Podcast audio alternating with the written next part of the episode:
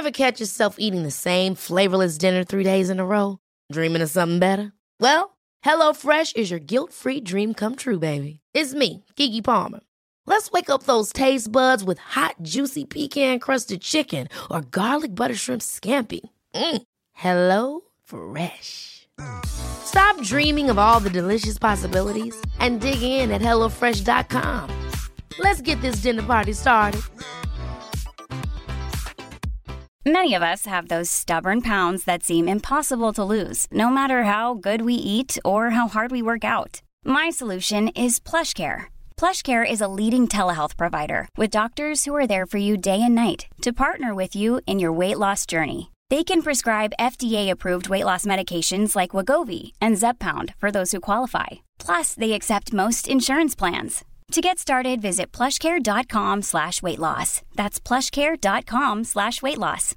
One size fits all seems like a good idea for clothes until you try them on. Same goes for healthcare. That's why United Healthcare offers flexible, budget-friendly coverage for medical, vision, dental, and more. Learn more at uh1.com.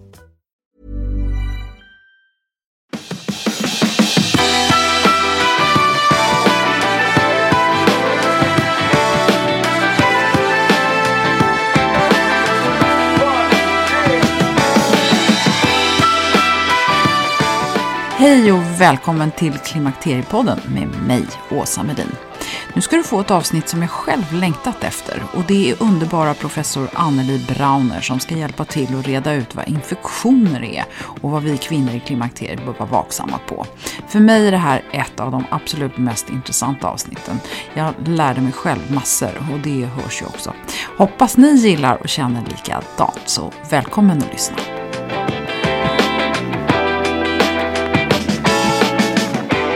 Anneli Brauner, välkommen till Klimakteriepodden. Tack. Anneli, kan inte du presentera dig själv? Du är professor i klinisk mikrobiologi. Det låter så allvarligt. Eh, det är inte så allvarligt, det är otroligt spännande. Det är ett fantastiskt roligt jobb som jag har. Eh, det vi sysslar med det är ju att eh, studera bakterier och virus och svampar som ger upphov till infektioner hos människan.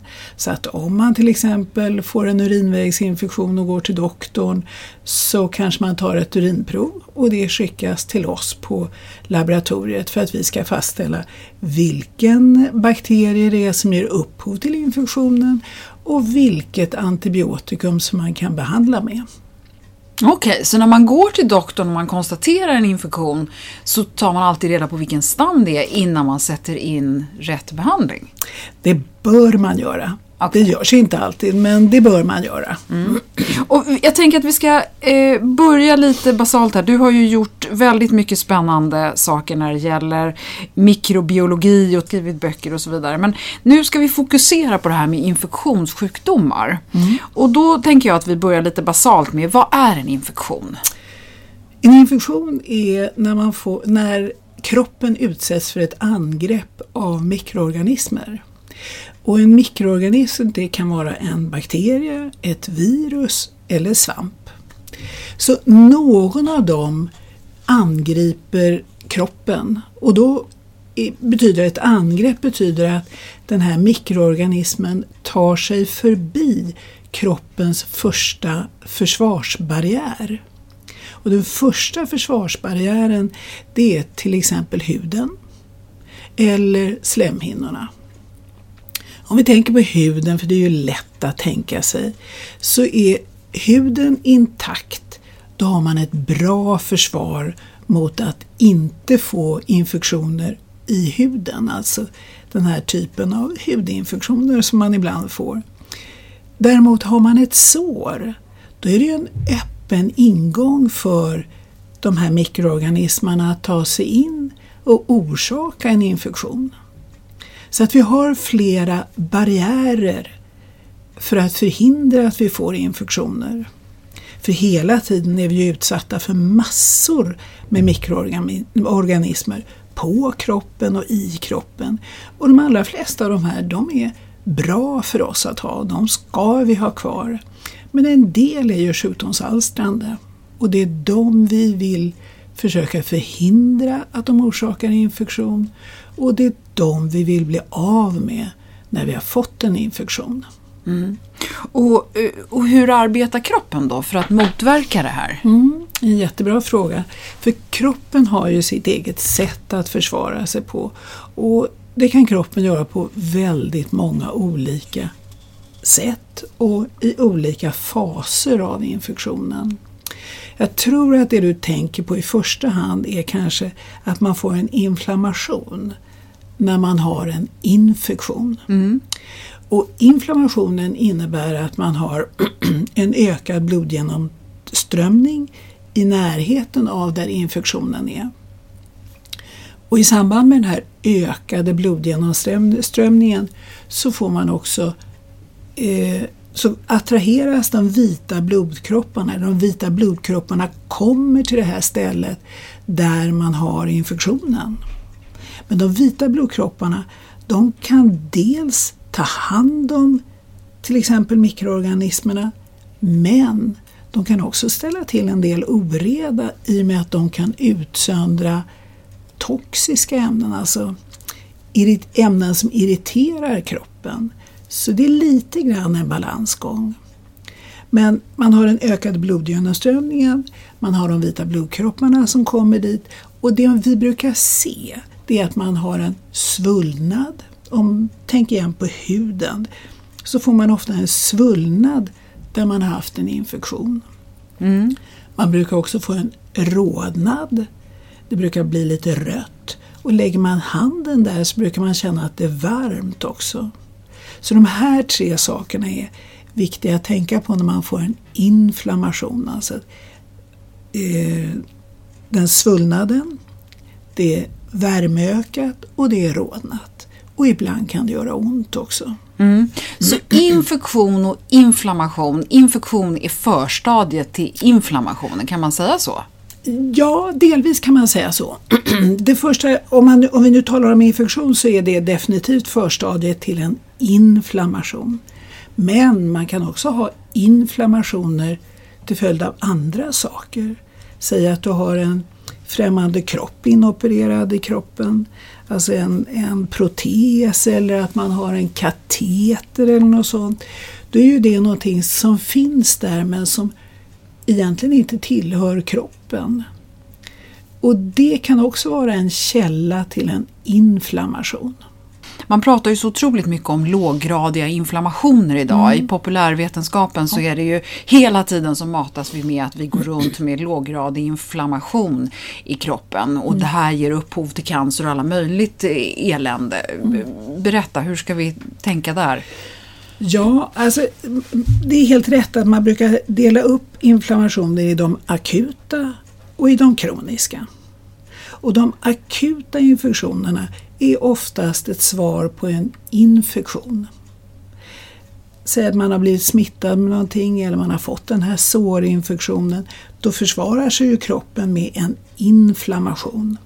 Och när man har blivit av med smittämnet, alltså den här mikroorganismen, då behöver ju inte kroppen försvara sig längre och då försvinner inflammationen. Så den akuta inflammationen den brukar försvinna på några dagar eller maximalt några veckor. Den kroniska inflammationen den kan ju vara då ett svar på någonting som kroppen inte lika lätt kan göra sig av med. Och då tycker jag det är lätt att tänka på de här katetern eller höftprotesen eller någonting annat. Det är ju ingenting som man tar ut och så man, är man av med det. Nej. Utan den finns ju kvar. Och då är det en, en mycket lägre aktivitet i inflammationen än vad det är vid den akuta. Och jag tror att det är det du tänker på när du pratar om den här låggradiga inflammationen. Mm. Och jag tänker att när man då pratar om det idag så säger man hela tiden att bland annat socker orsakar det här och att vi liksom i tarmen går runt med eh, olika typer av inflammationer och det här i sin tur är någonting som vi måste ta hand om för vi får annars så, så kommer det utvecklas till cancer och så vidare. Det är ju så man, om man läser många av de här böckerna som har mm. Mm. spritt sig nu bland, bland oss eh, vanliga människor. Nu, nu gör du lite miner så. ja, nej, nej, det gör jag bara för det är naturligtvis viktigt att vi äter och lever på ett bra sätt, självklart. Och det är naturligtvis så att vi ska inte bara dricka läskedrycker och bara äta godis. Det är klart att vi ska undvika att äta felaktig mat. Och självklart har det en påverkan också. Men jag tror inte man ska skuldbelägga sig att man får cancer därför att man har ätit godis. Det, det tycker jag absolut inte om. Nej, men, men den här låggradiga inflammationen menar du att den, den finns där och det spelar ingen roll? Det kan kroppen hantera? Ja, alltså låggradig inflammation eh, kan man till exempel ha om man har bakterier kvar i de djupa vävnaderna och de ligger eh, ganska isolerade och inkapslade. Då kan man ha en låggradig inflammation runt omkring, lokalt på det här stället. Men det som finns i tarmen därför att man har... Det är klart att det finns sjukdomar som, eh, som är inflammatoriska sjukdomar och som utgår ifrån tarmen. Visst finns det. Men jag har lite svårt att dra den här eh, länken från hur vi äter och vad vi äter till inflammationen och sen vidare till cancer. Den har jag lite svårt att dra, även om det är möjligt att det finns ett samband. Jag vill inte utesluta det, men den är inte tydligt påvisad. Vi använder ju antibiotika för att eh, hantera infektioner Eh, berätta, hur, hur, fungerar det då på, på, med, med tanke på det vi precis har pratat om? Mm. Mm. Man använder antibiotika för att döda bakterierna. Bakterierna är ju en egen struktur, det är en egen cellstruktur och det är det som skiljer det från virus. För virus består av arvsmassa och ett hölje. Och de, för, att de ska kunna, för att virus ska kunna föröka sig så krävs det att de finns inne i en cell, alltså inne i en människans cell. Alltså den infekterar och där inne i den infekterade cellen så finns virus. Det betyder att bakterierna de finns utanför, det är en egen struktur. De kan man behandla med antibiotika utan att man skadar människans celler. Men virus ligger ju inuti människans celler, alltså inuti kroppens celler. Och att behandla dem och döda virus är mycket, mycket svårare att göra utan att samtidigt skada kroppens celler. Mm -hmm. Okej, okay. så rent teoretiskt så skulle det gå men det, det blir för stor, stor påfrestning kan man säga? Det finns ju vissa virusinfektioner som man behandlar. Okay. Men de här banala infektionerna de brukar vi ju klara av alldeles själva utan någon behandling. Mm. Eh, då tänker jag att vi ska komma in på det här med kvinnor eh, som bör, får en lägre östrogenpåverkan på kroppen i, och runt klimakteriet. Eh, varför är det så relevant med urinvägsinfektioner. Vi har ju pratat mycket om torra slemhinnor tidigare mm. i Klimakteriepodden. Eh, och, och, då skulle jag ju vilja att du förklarar det här. Mm.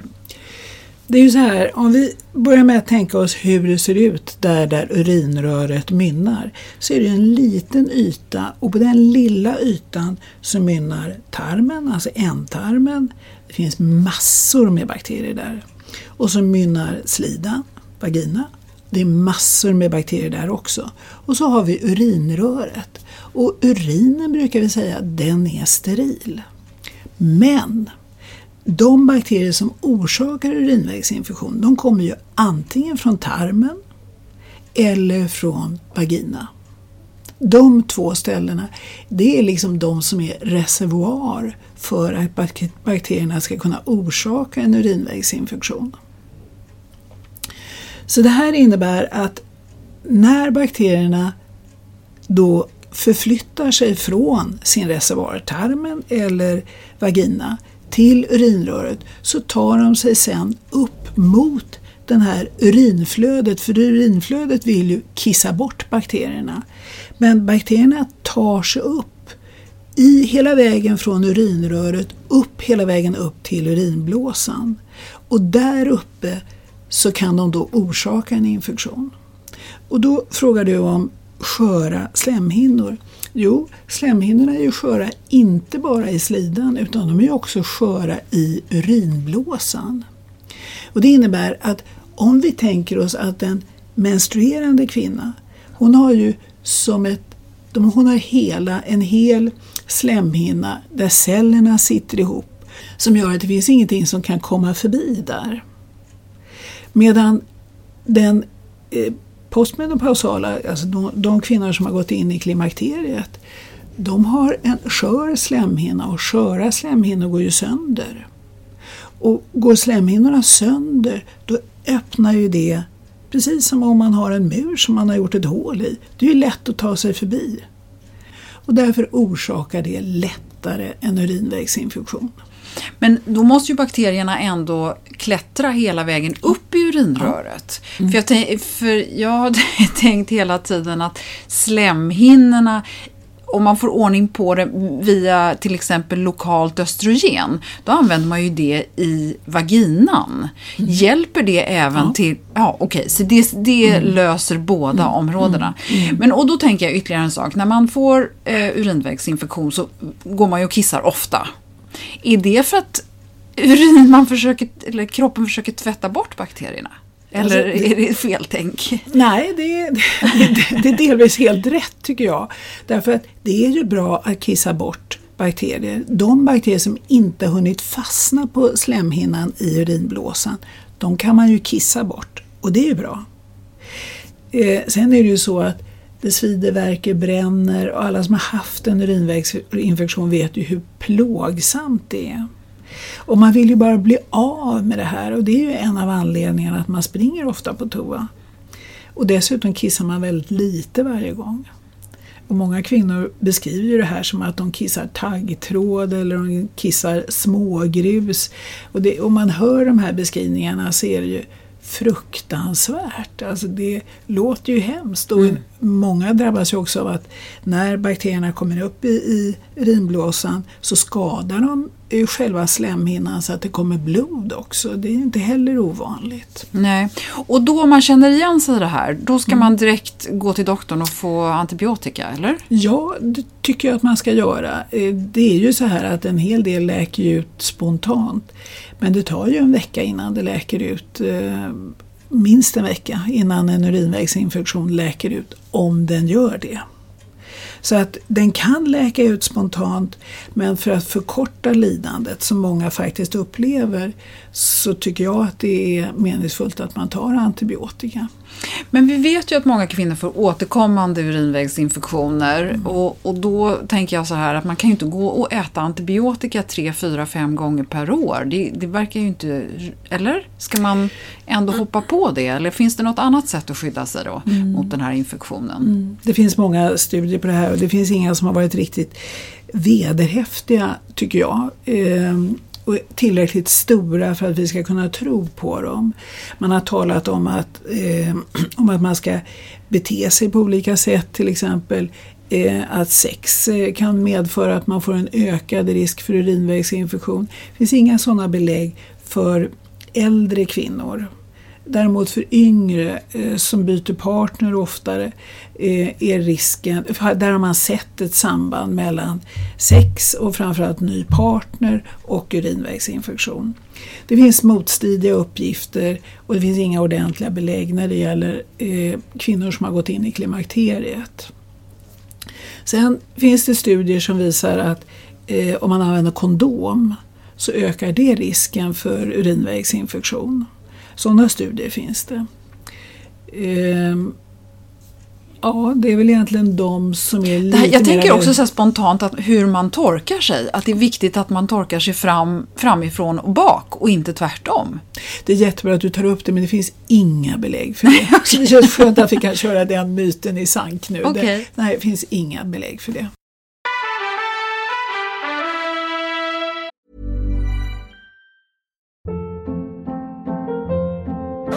Hold up. What was that? Boring. No flavor. That was as bad as those leftovers you ate all week. Kiki Palmer here, and it's time to say hello to something fresh and guilt-free. Hello Fresh. Jazz up dinner with pecan-crusted chicken or garlic butter shrimp scampi. Now that's music to my mouth. Hello Fresh. Let's get this dinner party started. Discover all the delicious possibilities at hellofresh.com.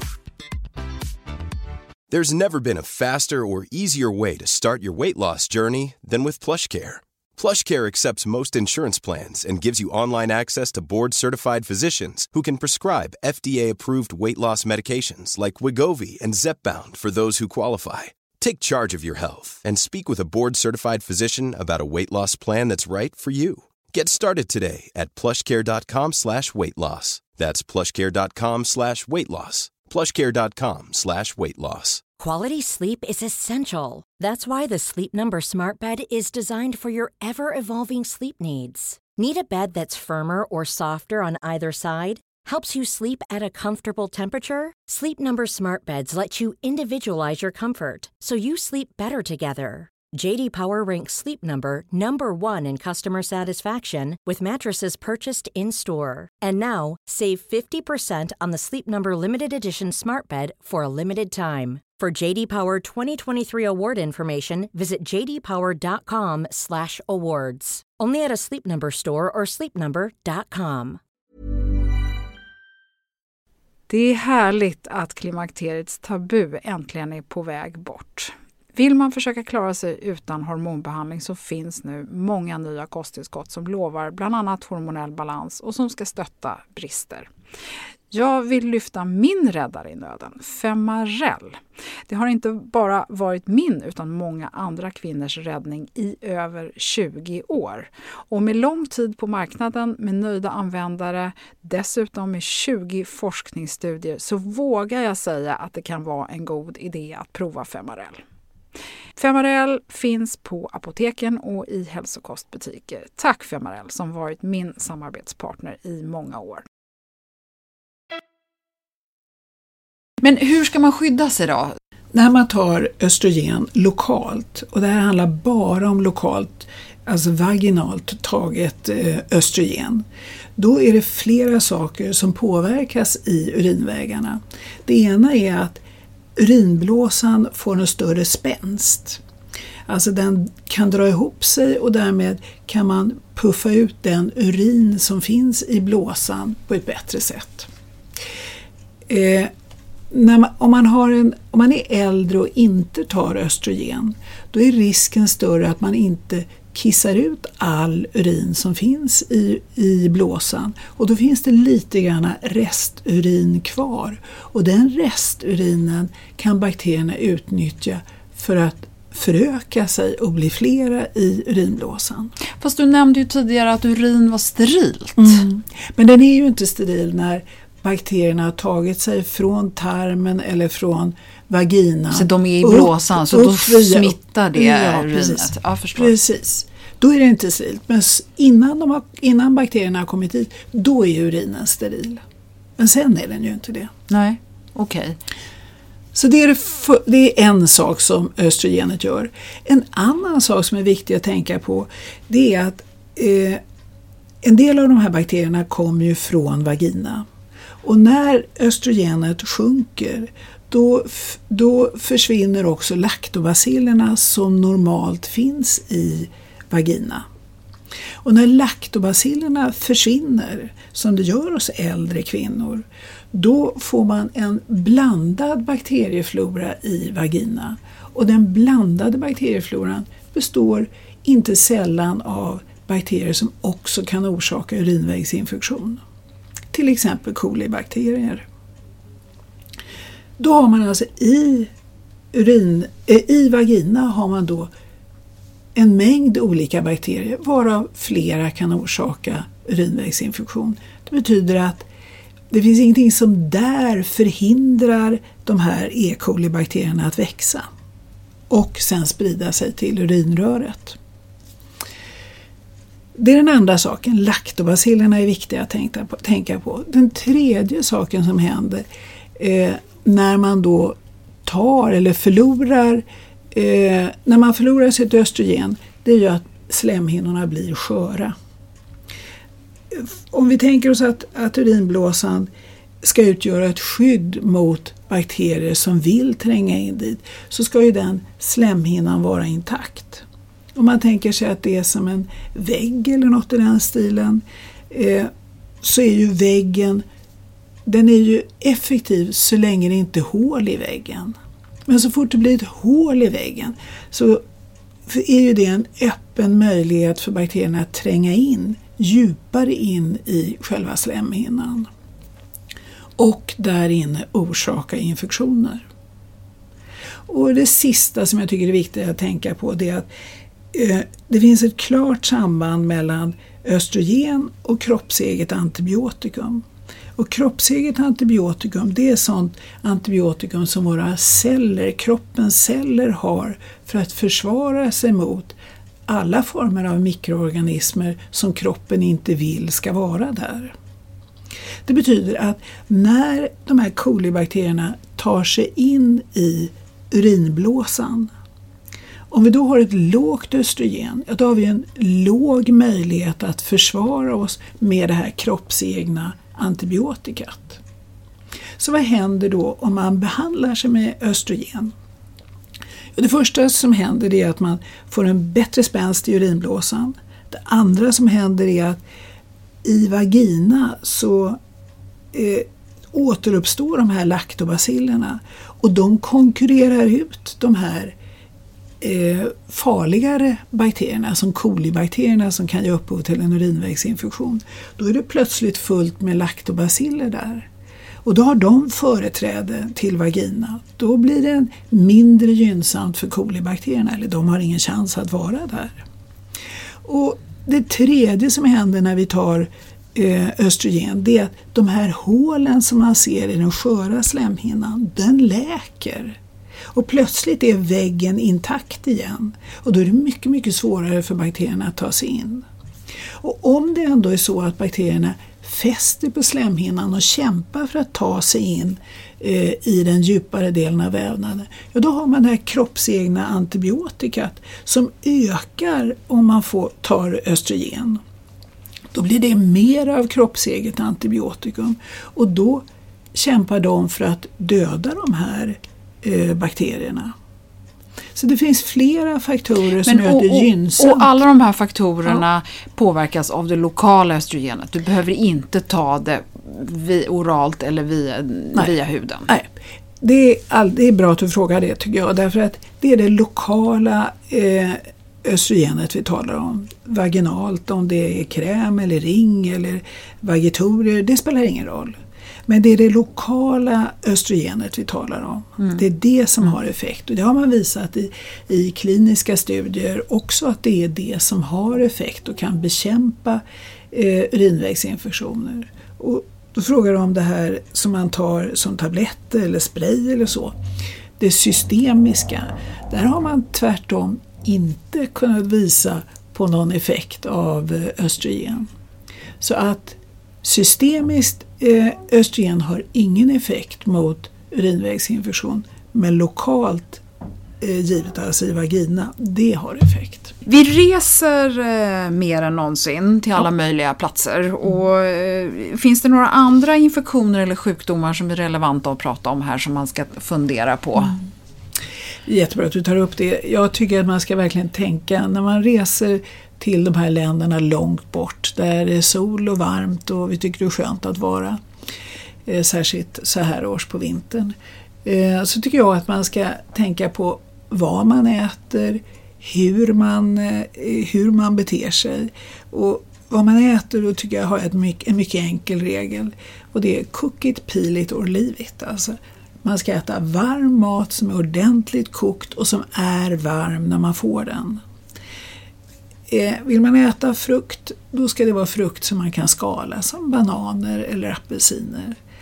Och annars är det tråkiga rådet att man nog ska låta det vara. Den här jättegoda salladen, den kan vara förrädisk, den kan se ljuvlig ut och den kan smaka fantastiskt gott, men den kan ändå vara förrädisk. Och jag är fullständigt medveten om att det är otroligt svårt att hålla det här, men vill Och vilken, vilken typ av infektion hotas man då i första hand av? Då hotas man ju i första hand av- tarminfektioner. Som är oftast ganska snabbt övergående trots allt.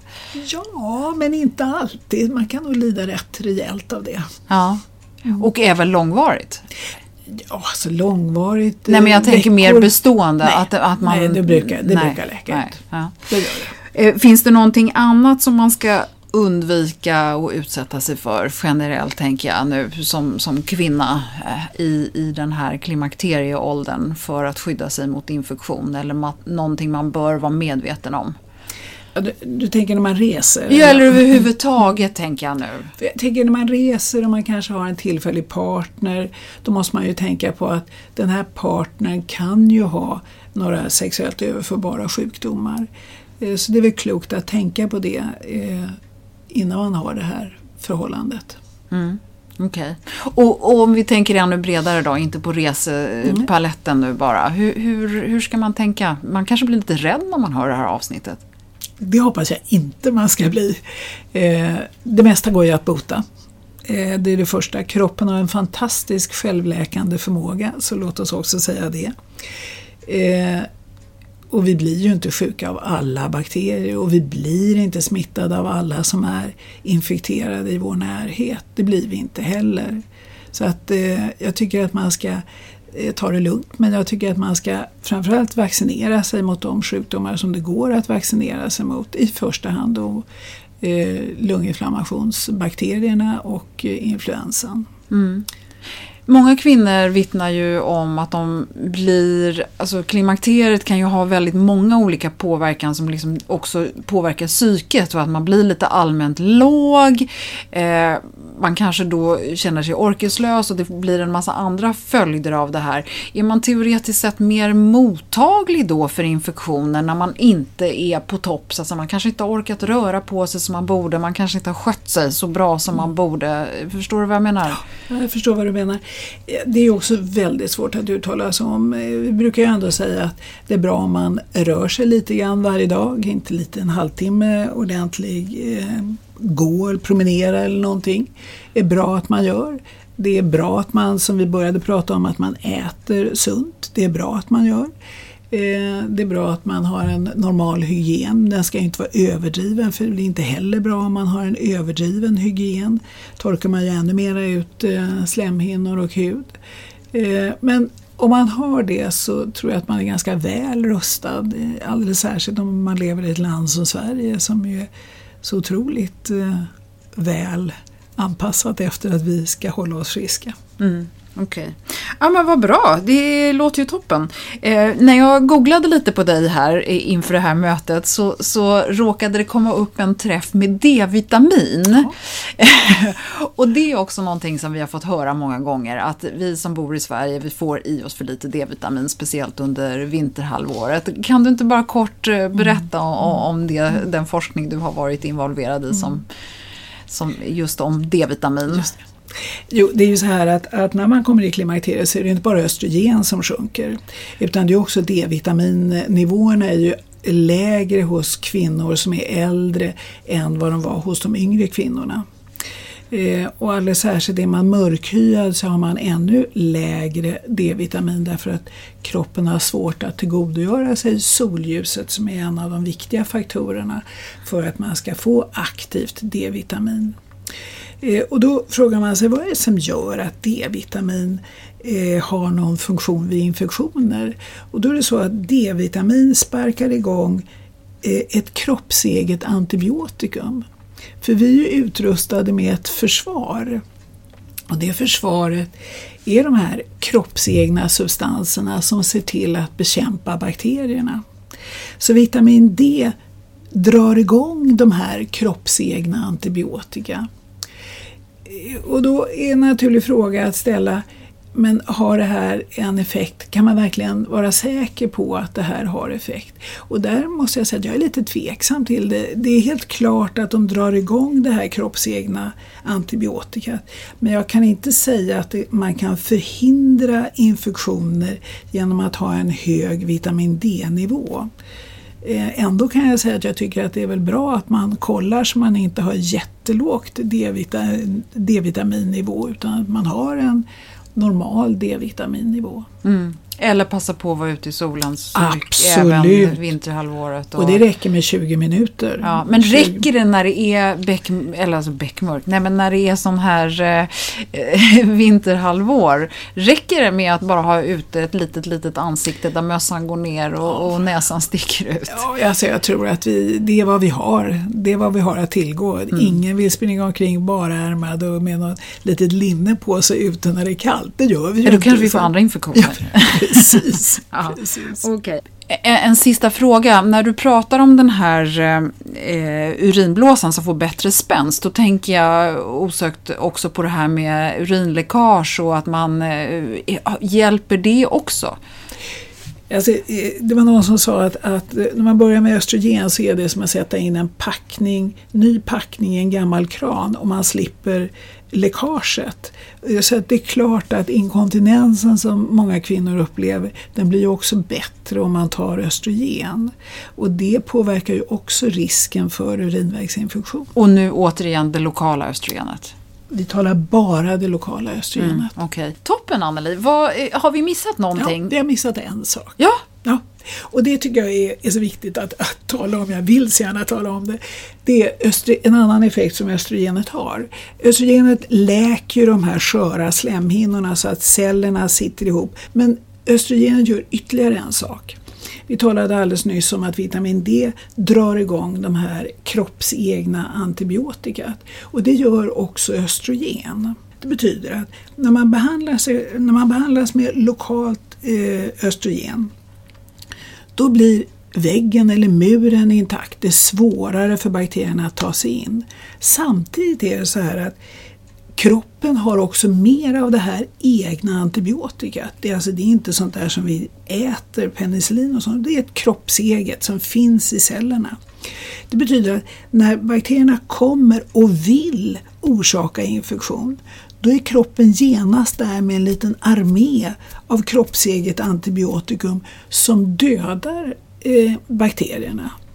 Så att det är två saker som östrogen gör, eller det är många saker som östrogen gör. Eh, men bland annat de här två sakerna. Mm. Ja men vad bra! Ja. Jag ska be att få tacka dig så hjärtligt Anneli Brauner för att du var med i Klimakteriepodden. Jag tror att du har eh, satt lite ljus på några väldigt intressanta punkter som eh, inte bara jag utan många lyssnare kommer uppskatta också. Tack ska du ha.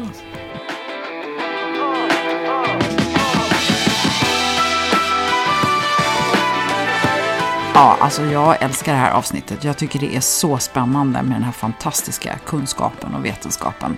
Frågan som blev lite hängande i luften var ju det här om man kan komplettera systemiskt östrogen med lokalt. Det vill säga om man nu redan tar eh, östrogen i form av plåster, tabletter, gel eller spray och fortfarande upplever att man har torra slemhinnor och urinvägsinfektioner och så vidare så kan man alltså komplettera det mer lokalt. Jag har stämt av det med Angelica Lindén Hirschberg så svaret är alltså ja på det.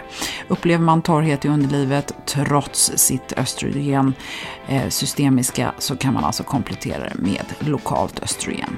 Vi fick också en aha-upplevelse där Anneli berättar om det här med urinläckage och just det här om lokalt östrogen. Eh, så att jag tyckte det var väldigt intressant.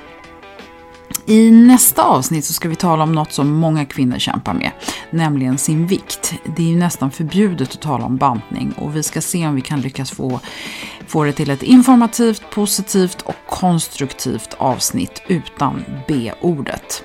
Till min hjälp så har jag eh, näringsfysiologen Kristina Andersson som ni vana Klimakteriepods lyssnare har hört från ett par avsnitt tidigare, nämligen avsnitt 29 och 50.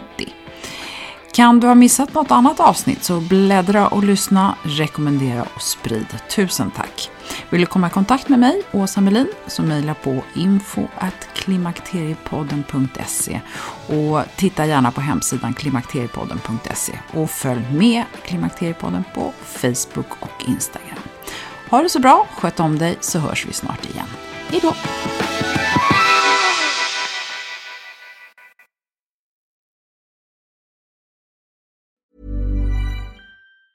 Hi, I'm Daniel, founder of Pretty Litter. Did you know cats tend to hide symptoms of sickness and pain? I learned this the hard way after losing my cat, Gingy. So I created Pretty Litter, a health monitoring litter that helps detect early signs of illness by changing colors, saving you money and potentially your cat's life. Pretty Litter is veterinarian developed, and it's the easiest way to keep tabs on your fur baby's health right at home. Go to prettylitter.com and use code ACAST for 20% off your first order and a free cat toy. Terms and conditions apply. See site for details. Hold up. What was that? Boring. No flavor. That was as bad as those leftovers you ate all week. Kiki Palmer here, and it's time to say hello to something fresh and guilt-free. Hello Fresh. Jazz up dinner with pecan-crusted chicken or garlic butter shrimp scampi. Now that's music to my mouth. Hello Fresh. Let's get this dinner party started. Discover all the delicious possibilities at hellofresh.com. Imagine the softest sheets you've ever felt. Now imagine them getting even softer over time. That's what you'll feel with Bowl and Branch's organic cotton sheets. In a recent customer survey, 96% replied that Bowl and Branch sheets get softer with every wash. Start getting your best night's sleep in these sheets that get softer and softer for years to come. Try their sheets with a 30-night guarantee. Plus, get 15% off your first order at bowlandbranch.com. Code BUTTERY. Exclusions apply. See site for details.